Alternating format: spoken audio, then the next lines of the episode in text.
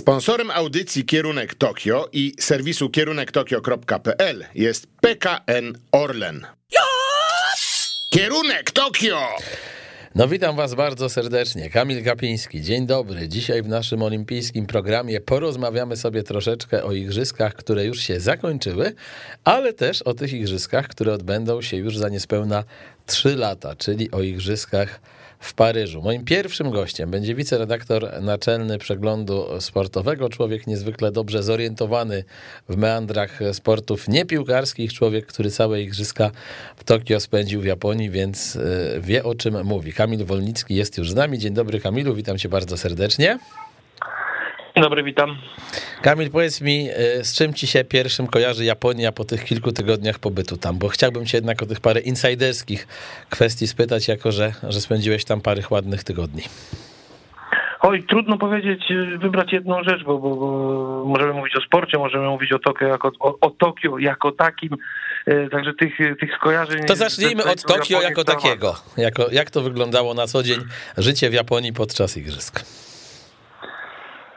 Właściwie życie w Japonii podczas igrzysk można było podzielić na dwa etapy. To jest pierwsza ta część, y, jakby ją nazwać, kwarantannowa, chociaż y, to z nazwy była kwarantanna, w rzeczywistości sprowadzała się do tego, że nie korzystaliśmy faktycznie z środków komunikacji miejskiej i druga część krótka, chyba zdecydowanie za krótka, taka, podczas której tej komunikacji miejskiej mogliśmy używać, a używanie tokijskiego metra to jest przygoda sama w sobie, bo, bo, bo tak poplątanej tak poplątanej sieci linii nie widziałem nigdy wcześniej, a, a, w kilku miejscach w życiu zdarzyło mi się być. Natomiast e, no, da się w tym wszystkim połapać, to wszystko jest e, zorganizowane jeśli chodzi o transport, naprawdę dobrze i takiego transportu publicznego Tokijczykom można zazdrościć, choć jednocześnie no, to trzeba lubić żyć, żyć w takim mieście, mieście, które jest wręcz monstrualnie gigantyczne. A zdarzyło się, że któryś z dziennikarzy z Polski nie dojechał na jakiś ważny event, bo się w tym metrze pogubił, czy, czy nie było tego typu przygód? Wiesz co, nie słyszałem o takich przygodach, tym bardziej, że, że no myśmy tego, tego tokijskiego metra używali, tak jak mówię, dopiero w ostatnich Aha. kilku dniach, bo po pierwsze 14 dni trzeba było korzystać z transportu olimpijskiego, e, który był kiepski co do zasady, natomiast e, tu wielkie brawa dla organizatorów, każdy z dziennikarzy mógł odebrać 12 czy też 14 kuponów, już nie pamiętam, na, na tokijskie taksówki i z nich e, mogliśmy korzystać i i właściwie robiliśmy to na okrągło. No co do zasady te taksówki miały być używane w sytuacjach awaryjnych, ale to przyjmijmy, że sytuacje awaryjne były codziennie. Hm. A powiedz mi taką rzecz, bo to jest też, że nie, była sytuacja, gdzieś przeczytałem chyba u was w przeglądzie, że któryś e, z lekkoatletów, medalistów olimpijskich e, musiał prosić o pieniądze na taksówkę wolontariuszkę, bo wsiadł chyba nie do tego autokaru i go gdzieś wywiozło w ogóle nie pod stadion lekkoatletyczny, tylko gdzie indziej i gdyby nie jej powiedziałbym dobre serce, to mogłoby nie być medalu olimpijskiego. To coś mi tak się gdzieś przewinęło w trakcie tych igrzysk. Wiesz co, nie, ko nie kojarz takiej historii, natomiast no, no, sportowcy byli, e, byli wyłączeni z normalnego życia dużo bardziej niż my, bo oni właściwie nie mogli opuszczać wioski olimpijskiej. Kogoś tam nawet bodajże z gruzińskich sportowców z igrzysk wyrzucono za to, że, że, że te wioski opuścili. Więc tych zasad takich, jakie wprowadzili Japończycy było, e, było dużo. Te obostrzenia przynajmniej na papierze wyglądały na na bardzo skomplikowane, natomiast e, w praktyce one takie nie były. No. E, przed wyjazdem byliśmy zobowiązani do tego, żeby zainstalować w telefonie dwie aplikacje śledzące, śledząco-monitorujące, czy jakkolwiek je tam nie nazywać. Jedna z nich zaczynała działać dopiero na terenie Japonii, drugą mieliśmy zainstalować 14 dni przed wylotem i później każdego dnia w niej wpisywać jakieś informacje. E, no w naszym przypadku właściwie ekipy przeglądu sportowego czy na całego wydawnictwa Ringer Axel Springer problem, problem był taki, że e, nikomu z nas nie zaakceptowano tak zwanego planu aktywności, a mhm. zaakceptowanie planu aktywności przez Japończyków było warunkiem, który pozwala przez tę aplikację przejść i się do niej zalogować. E, zastanawialiśmy się, co to będzie na lotnisku w Tokio, kiedy przylatywaliśmy. No, przyszła nam, na mnie kolej, pani mnie pyta o tę aplikację, ona nazywała się OCZA. Pani prosi o to, żebym pokazał aplikację OCZA. Ja mówię, że chętnie bym pani pokazał, ale nie zaakceptowaliście mojego planu aktywności, więc ona mi po prostu nie działa. Pani chwilę pomyślała, mówię, aha, no to trudno, okej, okay, proszę iść dalej. I, I, tak to mniej więcej wyglądało. Co kilka dni się testowaliśmy na obecność covid w organizmie, to te testy też wyglądały inaczej niż w Polsce. Nikt nie grzebał patykiem w nosie ani w gardle. W Japonii pluliśmy do, do probówek. Czy oni to wszystko badali? Nie wiem, nie mam pojęcia. Wrzucało się, do wrzucało się to do kartonowych pudeł, a co się z tym działo później? Nie wiem. Zakładam, że na tyle, na ile mogli Japończycy, to, to to, to wszystko sprawdzali, natomiast czy wszystko?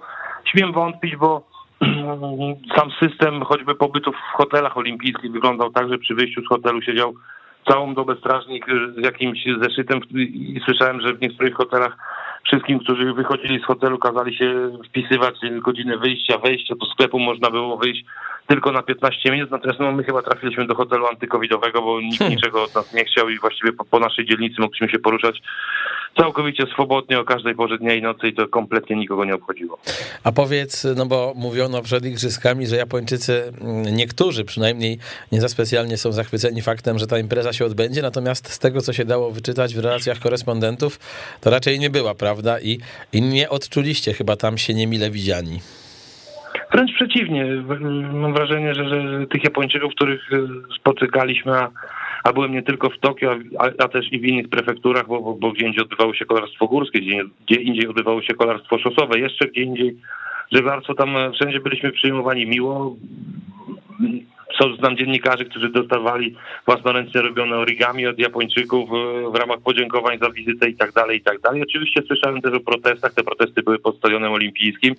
Natomiast ja mam wrażenie, że to trochę wyglądało tak, że przyszły trzy osoby z kartonami, zbiegły się wszystkie kamery, żeby to pokazać światu, no bo to jest jakiś ciekawy obrazek. Natomiast tych Japończyków, którzy, którzy zachowują się normalnie, czy, czy wręcz bardzo przyjaźnie, po prostu nie pokazywano, bo to nudne. A udało tam się wyjść na jakąś imprezę, czy bez szans? Co, co się wydarzyło w Tokio, nie wrzucamy w Tokio, ale, okay. ale coś, tam, coś, coś, tam, coś tam się udało. Są takie miejsca w Tokio, gdzie rzeczywiście można się, e, można się dobrze bawić. Nie wiem, czy, czy, czy w dzielnicy Shibuya, która jest, e, którą wszyscy mogą kojarzyć z tego najsłynniejszego, najbardziej tłocznego skrzyżowania na świecie, czy, czy, czy, czy Shinjuku, gdzie, gdzie dzieją się grube imprezy, więc no, kiedy już to wszystko e, się zakończyło, właściwie zakończyliśmy naszą pracę, no to był jeden wieczór, że mogliśmy tam sobie pochodzić i popatrzeć, jak to wszystko e, wygląda w rzeczywistości i wygląda nieźle. Kamil, kończymy z 15, z 14, przepraszam, medalami e, Igrzyska. 15 to sobie wymarzył Marcin Nowak, szef misji olimpijskiej, gdy rozmawiałem z nim przed tokijską imprezą. Natomiast z jednej strony to oczywiście najlepszy wynik od lat, najlepszy wynik od Sydney, możemy być szczęśliwi, że tak to się wszystko skończyło. Z drugiej, jak popatrzymy na ten rozkład medali, no to jednak jest lekko atletyka, trochę medali na wodzie i, i potem długo, długo, długo, długo, długo, długo, długo nic, a jednak te środki, jakie idą na sport olimpijski w Polsce są, są spore. I, I jakie ty masz wrażenie? No bo wiem, że ty też pisałeś na ten temat felieton, gdzieś tam cię odsądzono od czci i wiary, niektórzy zrobili z ciebie smerfa marudę, ale patrząc na ten tekst, to ja się musiałem z tobą zgodzić, bo po prostu chłodno przeanalizowałeś to, jak te medale się rozłożyły. Do tej pory na Twitterze piszą mi ludzie, którzy mają problemy z czytaniem, ze zrozumieniem jakieś pierdoły. Słyszałem też, że w jednej telewizji informacyjnej był to gorący temat, także mm, pozdrowienia. E, natomiast też to, co mówisz i to, co napisałem, mnie się wydaje po prostu prawdą i tak jak powiedziałeś przed chwilą, chłodną oceną sytuacji. E, liczba medali jest naprawdę dobra. Ja zakładałem, że jak będzie 12, to będzie super. Wszystko, co ponad, to bonus jest ponad, więc Polacy wyjechali z Tokio z bonusem. Natomiast no faktycznie to, to jest tylko pięć związków sportowych, które było w stanie na tyle efektywnie wydać pieniądze, żeby jego przedstawiciele cieszyli się z medalu. Według mnie to mało, tym bardziej, że w ostatnich latach z wielu różnych powodów E, pieniędzy w sporcie jest stosunkowo dużo, one płyną z budżetu, płyną ze spółek Skarbu Państwa, więc e, generalnie sportowcy nie mają na co narzekać. E, generalnie, bo oczywiście każdy przypadek jest inny. No i prawdę mówiąc, o ile liczyłem, inaczej, o ile zakładałem, że tych medali może być mniej, to jednak liczyłem, że będzie E, że będzie więcej sportów, które do, e, do poziomu medalowego dojdą. Oczywiście są też takie dyscypliny sportu, które wróciły bez medalu, ale jednak z, z powodami, z powodami do optymizmu, bo weźmy takie pływanie. Mieliśmy tam nastolatków w, decydujących biegach. Polacy byli, e, Polacy byli blisko medalu i tam, i tam działo się naprawdę nieźle i, i pływanie, które, które od lat, od, 2000, od 2004 roku Polaka na podium w pływaniu nie było to, to dzisiaj można mieć nadzieję, że, że, że może za trzy lata w Paryżu będzie już, e, będzie już inaczej. No tak, bo rzeczywiście marzyliśmy o jednym, dwóch finałach pływackich, tymczasem wyszło ich dużo więcej, trochę żal Kasi Wasik, z drugiej strony wiemy jak wygląda 50 metrów kraulem, no to jest ogień od e, samego skoku do wody, tak naprawdę wystarczy raz czy dwa źle poprowadzić rękę i już się szansę na medal traci, no ale przecież kapitalny występ naszego młodego zawodnika na 200 metrów delfinem, mamy 15-latkę, która się kwalifikuje do olimpijskich półfinałów, to gdzieś sprawia wszystko, że ten powiew, e, powiedziałbym optymizmu, jeżeli chodzi o pływanie, się pojawił. No tak, do, do, dlatego o tym mówię, że można skończyć bez, bez medalu, ale jednak gdzieś tam e, z dumnie podniesioną głową, czy, czy, czy bez, e, bez, bez jakiegoś żalu spojrzeć, spojrzeć w lustro, bo, bo widać, że jakaś tam praca przynosi efekty, albo inaczej, widać, że pojawiają się talenty, które ktoś potrafił znaleźć i, e, i dobrze je e, i dobrze je szlifuje. E, wiesz, są dyscypliny, albo inaczej, są przedstawiciele związków sportowych, których trudno mi jednoznacznie ocenić, bo weźmy kolarstwo, to nieprzypadkowo nie mówię, jest mi, jest mi dość blisko. Ile na to, że była kompletna klap, inaczej. O ile wszyscy skończyli bez medalu, to na przykład do, torowcy mają mieć, mogą mieć, powinni mieć do siebie skróty, bo zawsze fatalnie, po prostu Coś nam, coś, nam, coś nam przerywa, poczekaj, bo coś, na, coś cię zgubiliśmy, Kamil. Halo, halo, halo? Halo, ja cię słyszę cały czas. O, teraz super. No to powtórz. E, to o ile to o tyle torowcy tam nas gdzieś wyrzuciło. O tyle, o, o ile torowcy fatalnie.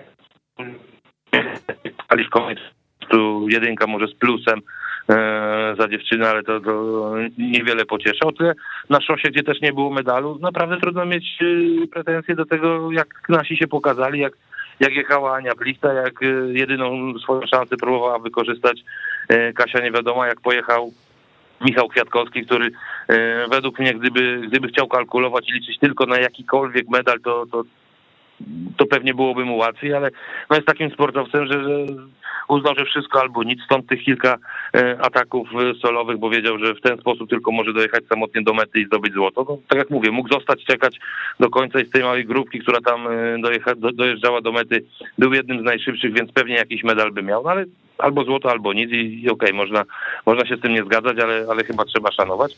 No więc tutaj, tak jak mówię, jeden, jeden związek sportowy, a, a, pewnie kilka ocen i tak jest, i tak jest w wielu innych, w wielu innych przypadkach, ale podsumowując, no wydaje mi się, że, że choć pieniędzy jest dużo, to nie wszyscy wiedzą, jak je efektywnie wydawać. No tak, ten problem był też jeszcze za czasów e, ministra sportu Witolda Bańki, że widzieliśmy, jak różnie zarządzane są związki sportowe, niektóre wzorowo, a niektóre w taki sposób, że można się było przeżegnać tak naprawdę nogą i też ciężko, żeby minister sportu wtedy wszystkim, nad wszystkimi związkami mógł zapanować. Natomiast ja tak się zastanawiam, e, który z tych sportowców, który nie zdobył medalu, tobie zaimponował najbardziej podczas Igrzysk w Tokio i dlaczego? O, kolejne trudne pytanie, bo tak yy, za bardzo nie wiem, też, te, też gdzieś tam o tym, też gdzieś tam o tym w ostatnim, w ostatnim czasie pisałem, no bo, bo, tu, bo, bo, bo trudno, bo trudno jednoznacznie inaczej, bo trudno nie zapamiętać e, występu Marty Walczykiewicz, która przez chwilę była medalistką, a chwilę później już nią nie była, bo tak wskazywała ta dziewczyna, która być może była to jej ostatnia olimpijska e, szansa na medal. E, wiem, ile pracy włożyła w to, żeby być na podium. Przypuszczam, albo inaczej, nie przypuszczam, bo człowiek, który nie jest zawodowym zawodowym sportowcem nie wie, ale podejrzewam, jak bardzo musiało boleć, więc, więc to zapamiętałem. Zapamiętałem Dorotę Borowską, której też niewiele zabrakło do medalu w kanadyjkowej jedynce, ale to jest młoda dziewczyna i, pewnie w Paryżu dopłynie tam, gdzie chciała dopłynąć już w Tokio. Trudno nie zapamiętać e, e, Oli Mirosław, która bubiła rekord świata na igrzyskach i, i to w telewizji wygląda spektakularnie ta, ta konkurencja, w której pobiła rekord świata, a na żywo robi chyba jeszcze większe, większe wrażenie, kiedy ona później przychodzi i mówi, że to był dobry bieg, no ale kurczę, tak sobie myślę, biega się po płaskim, a nie po ścianach, a ona, a ona biega po ścianach i, i robi to znakomicie. Oczywiście było wiadomo, że ten medal będzie trudno, a jeśli miałaby go zdobyć, to najprawdopodobniej w wyniku błędu którejś z dziewczyn, na tego w sporcie się zwykle nikomu e, nie życzy, więc, e, więc Ola będzie musiała poczekać 3 lata na Paryż, bo tam jej konkurencja nie będzie częścią kombinacji, a pojedynczą konkurencją i e, jeśli utrzyma poziom, to pewnie, to pewnie będzie stać na, na medal, a, a najpewniej złoto. Wiesz co, zapamiętam jeszcze na pewno Piotrka Myszkę, bo, bo, bo, bo no to jest facet z wielką klasą, to jest gość, który w swoim sporcie jest, właściwie żywym pomnikiem i legendą, chłopakiem, który wygrał niemal wszystko. Wiem, jak dużo poświęcił na to, żeby, żeby w końcu w Tokio jako 40-latek dopiąć czego zabrakło, zabrakło niewiele, zabrakło bardzo niewiele i skończyło się tak, jak się skończyło bez medalu, jednak potrafił chwilę później przyjść i przyjąć to wszystko i przyjąć to wszystko na klatę, to naprawdę e, robiło wrażenie, bo nie każdy tak potrafi. Byłem na meczu ćwierćfinałowym naszych siatkarzy. Po meczu przyszedł Bartek Kurek i też brawa za to, że potrafił stanąć i próbował wziąć to wszystko na klatę, chociaż też jak od początku mówił ze łzami w oczach, że, że to bardzo to on nie wie, co ma powiedzieć, ale, no, ale jednak przyszedł, jednak, jednak wiedział, że, że to jest też część, e, część tej roboty i, i za to klasa, za to brawa. Są dla ciebie siatkarze takim symbolem największego zawodu, jeżeli chodzi o polską reprezentację na tych igrzyskach? Zdecydowanie tak. Yy, ja się na co dzień siatkówką nie zajmuję, natomiast no, jechali na igrzyska jako dwukrotni mistrzowie świata. No. E, trudno było nie liczyć na to, że, e, że zdobędą medal. Zresztą oni sami na to liczyli, mówili, że jadą i będą walczyli o złoto. Za to też im się trochę dostało po głowach, według mnie niesłusznie, bo e, nie ma nic złego w tym, że, że, że sportowiec wie, czego chce i, i o tym głośno mówi. Niektórzy tego nie robią i okej, okay, ale jak ktoś mówi i ma ku temu podstawy, to czemu nie?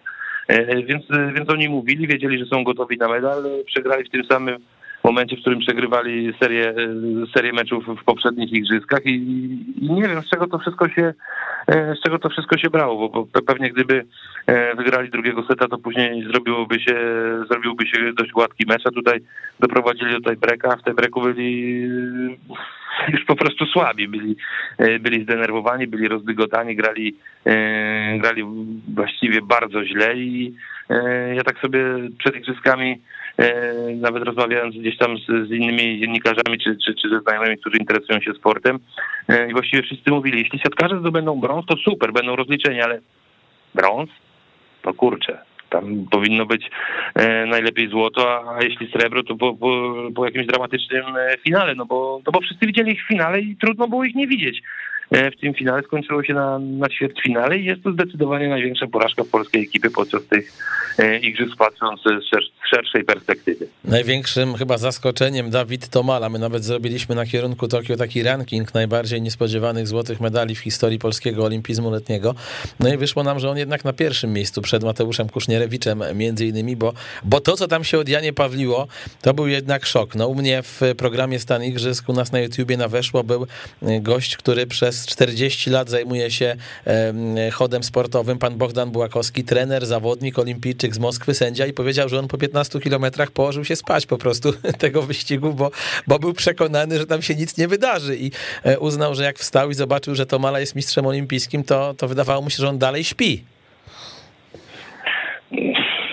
Nie czarujmy się. Yy, powiem wam, jak to wyglądało z perspektywy Tokio. Chód mhm. odbywał się w Sapporo żebyś tam dostać, trzeba było się zapisać na specjalny samolot, yy, jakieś procedury i tak dalej.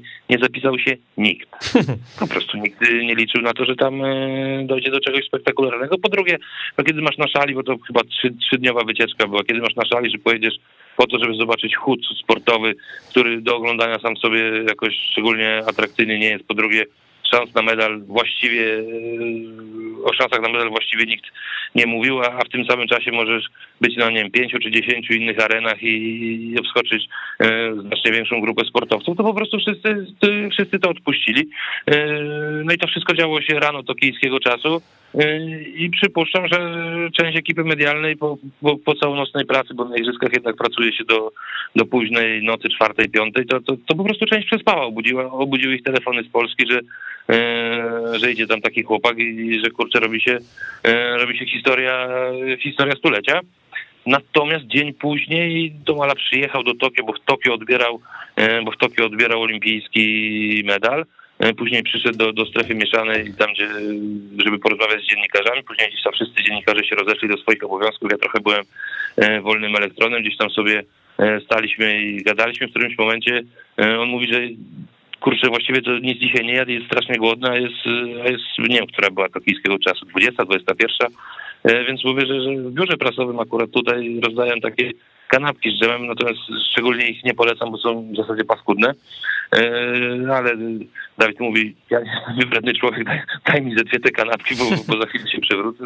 Zjadł kanapki, pojedliśmy, e, pośmialiśmy się, e, opowiadał o tym, jak, jak w którymś momencie pomyślał, że, że jego zegarek na ręku się zepsuł, bo bo dostał od niego informację, że za godzinę powinien nastąpić koniec jego pracy. On mówi, kurczę, czy to musi być popsute jak za godzinę, jeszcze ze dwie e, powinienem iść. No, okazało się, że idzie, że idzie tak szybko, że, że, że zegarek to, e, to wyliczył dobrze.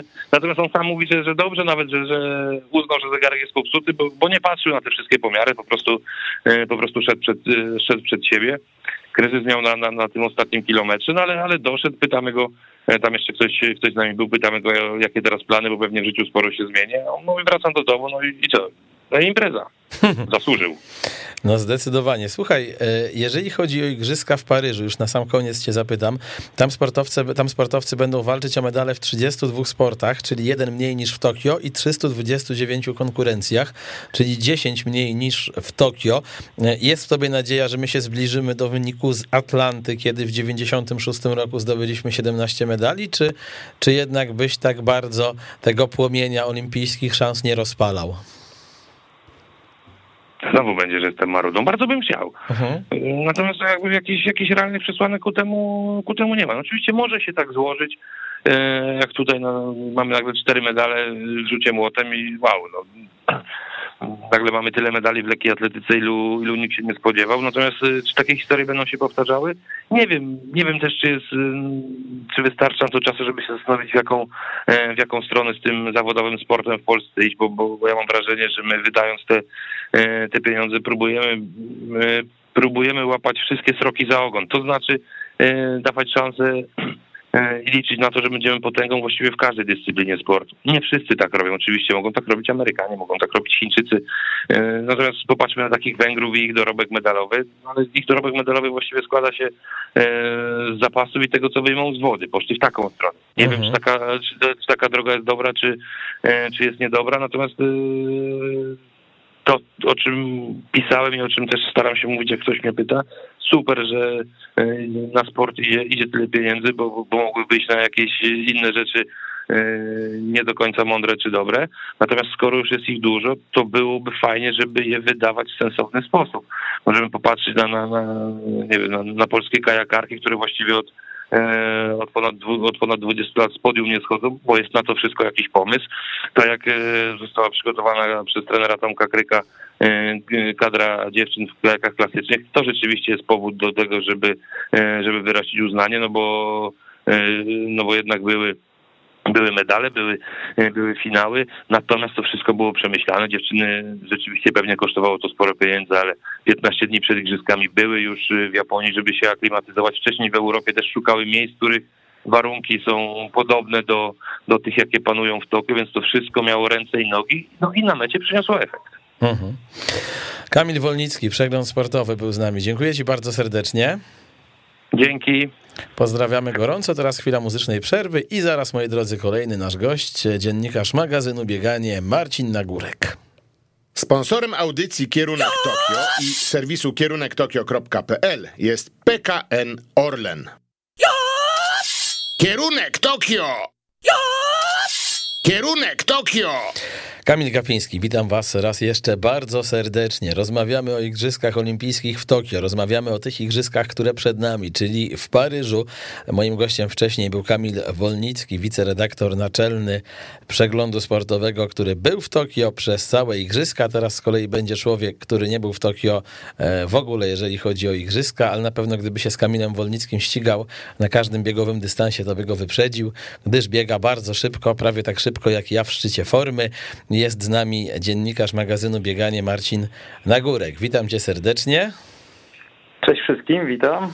Dzień dobry Marcinie. E, podsumowujemy sobie troszkę jeszcze Igrzyska w Tokio, e, to co się wydarzyło, szczególnie na stadionie lekkoatletycznym. E, od strony biegowej, gdybyś miał wystawić polskim lekkoatletom ocenę w takiej skali szkolnej, to, to jaka by to była ocena i dlaczego taka, a nie inna?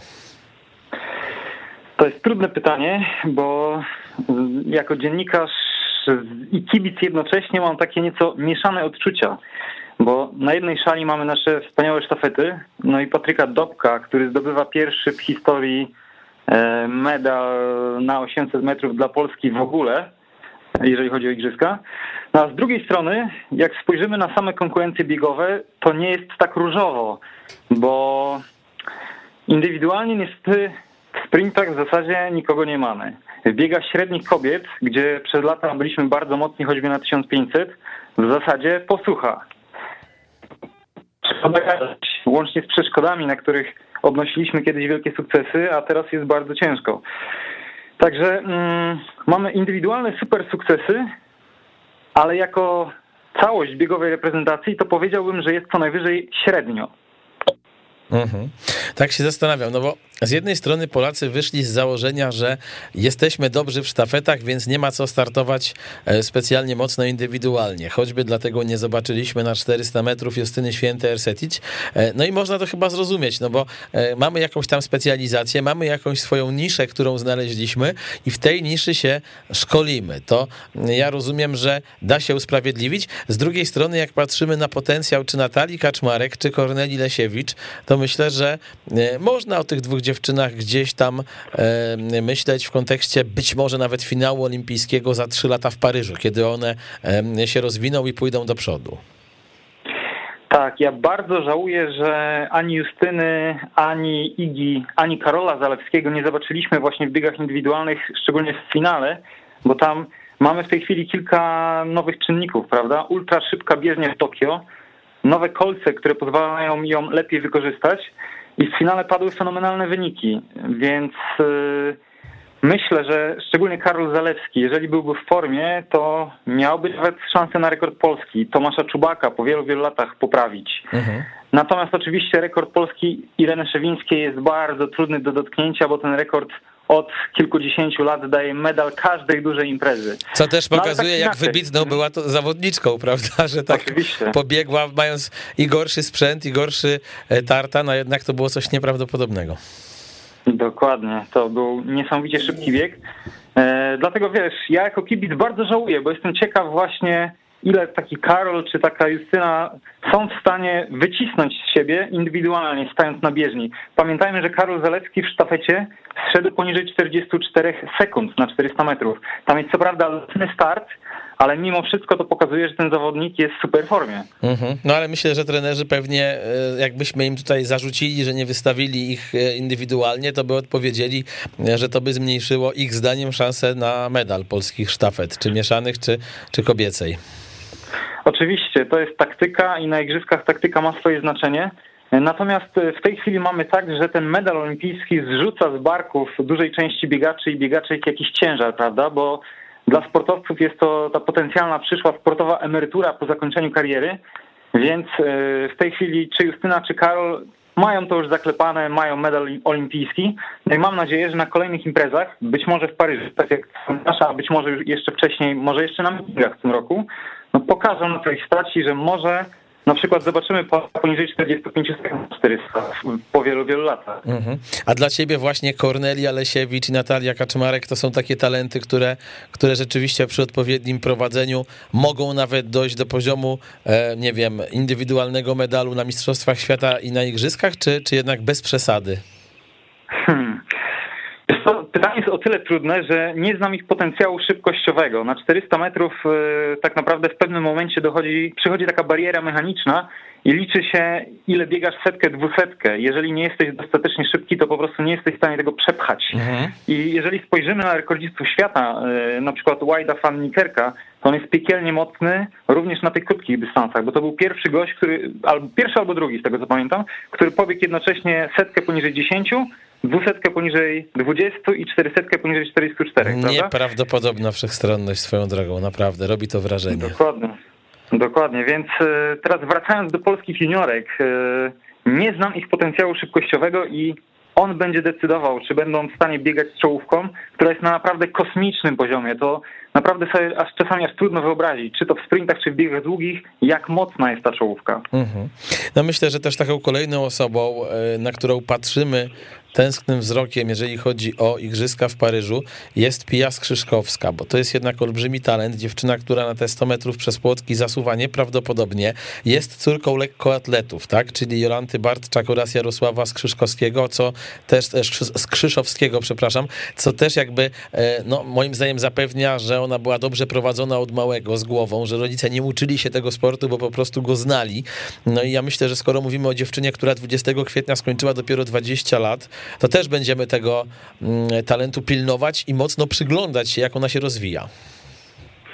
Zdecydowanie tak. E, ja nie skreślałbym też Karoliny Kołeczek mhm. i w sprincie, mimo tego, że indywidualnie jeszcze tego nie widać, to mamy taki pozytywny ferment trenerski, bo pojawiły się nowe nazwiska, nowi młodzi trenerzy, którzy wprowadzają nowe metody, tacy właśnie jak e, Aleksander Matusiński, czy w Płotkach jest Piotr Maruszewski. E, sprint też się mocno zmienił. Rozmawialiśmy o tym w audycji na żywo, że jakby bardzo mocna kontrola antydopingowa przez ostatnie 20 lat spowodowała, że ci sprinterzy wyglądają inaczej, trening jest zupełnie inny, więc to, to jest po prostu dobrze dla nas, bo to otwiera nowe możliwości i w konkurencjach technicznych typu płotki zawsze byliśmy mocni przed laty, więc liczę na to, że ta polska szkoła jednak się odbuduje i nowy trening sprintu plus stara polska szkoła techniki dadzą piorunujące efekty. Bardzo byśmy chcieli, żeby tak było. Natomiast jeżeli chodzi o te średnie dystanse, e, czyli tobie bliskie, bo przypomnę, że Marcin jest wielokrotnym mistrzem Polski Mastersów na 800 metrów, e, widzisz kogoś, kto na igrzyskach w Paryżu może namieszać i nie ma na nazwisko Dobek? tak, e, to znowu jest pytanie trudne. Spójrzmy na kobiety.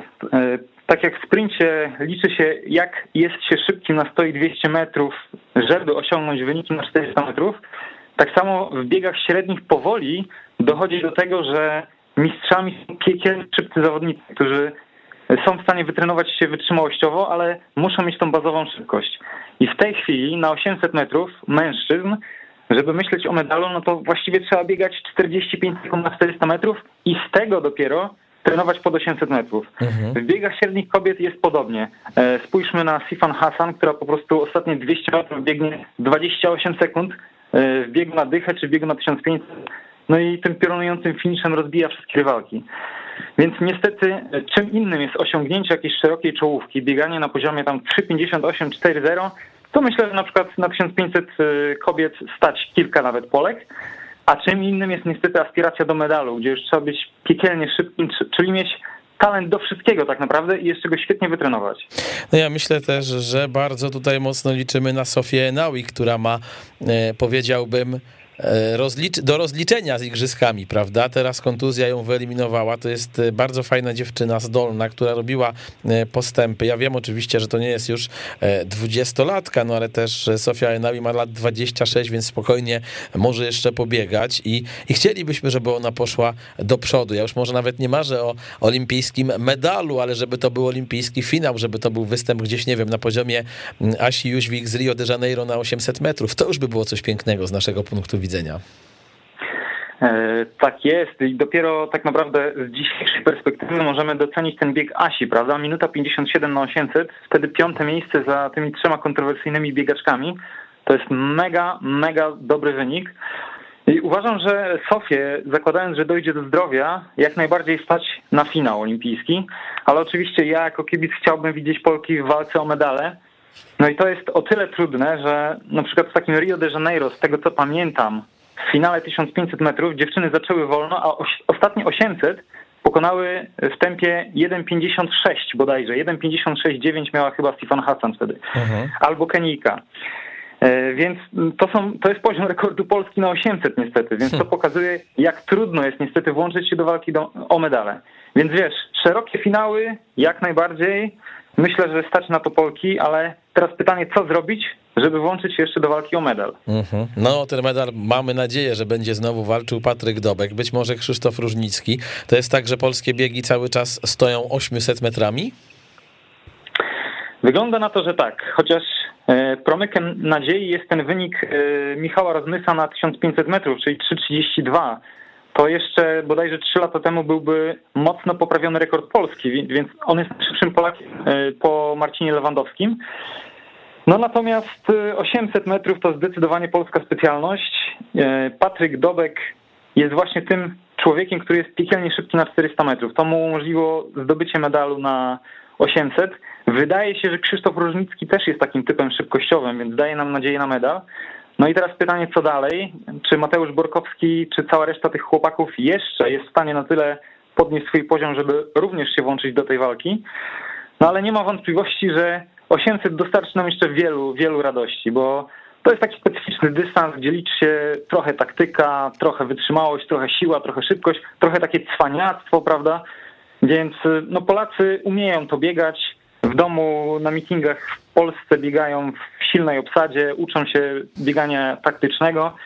No i myślę, że no stać ich, żeby cię jeszcze pokazać. Ja myślę, że też te nieudane starty biegowe siedzą w naszych olimpijczykach. Zerkam sobie na dzisiejszy Instagram Marcina Chabowskiego, wpis dosłownie sprzed kilkudziesięciu minut.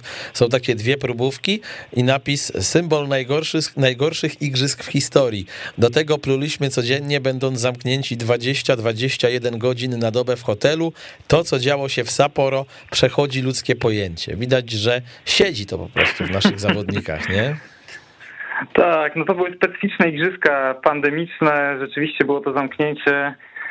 E, natomiast wiesz, no w maratonie bardzo trudno jest myśleć o medalu. Mieliśmy fenomen w postaci Henryka Szosta, który dobiegł na dziewiątym miejscu. Więc Z perspektywy tam, czasu też trzeba je, myślę, doceniać jeszcze bardziej niż to e, szóste czy tam piąte tak. Asi Jóźwik w Rio, prawda? Że tak naprawdę e, no, wyprzedzili go sami biegacze z takiej światowej elity. On był chyba pierwszym Europejczykiem wtedy. To jest nieprawdopodobny tak. wynik. Tak, no właśnie, a teraz Adam Nowicki, który miał całkiem udany bieg, przebiega na 38 miejscu, więc widzimy tą różnicę. No i teraz e, nie widać tak naprawdę w biegach długich niestety nadziei na to, żebyśmy byli na takim relatywnym poziomie światowym, jak choćby na 800 metrów. No i czy to się zmieni? Może być tak, że minie rok czy dwa i pojawi się jakiś młody talent.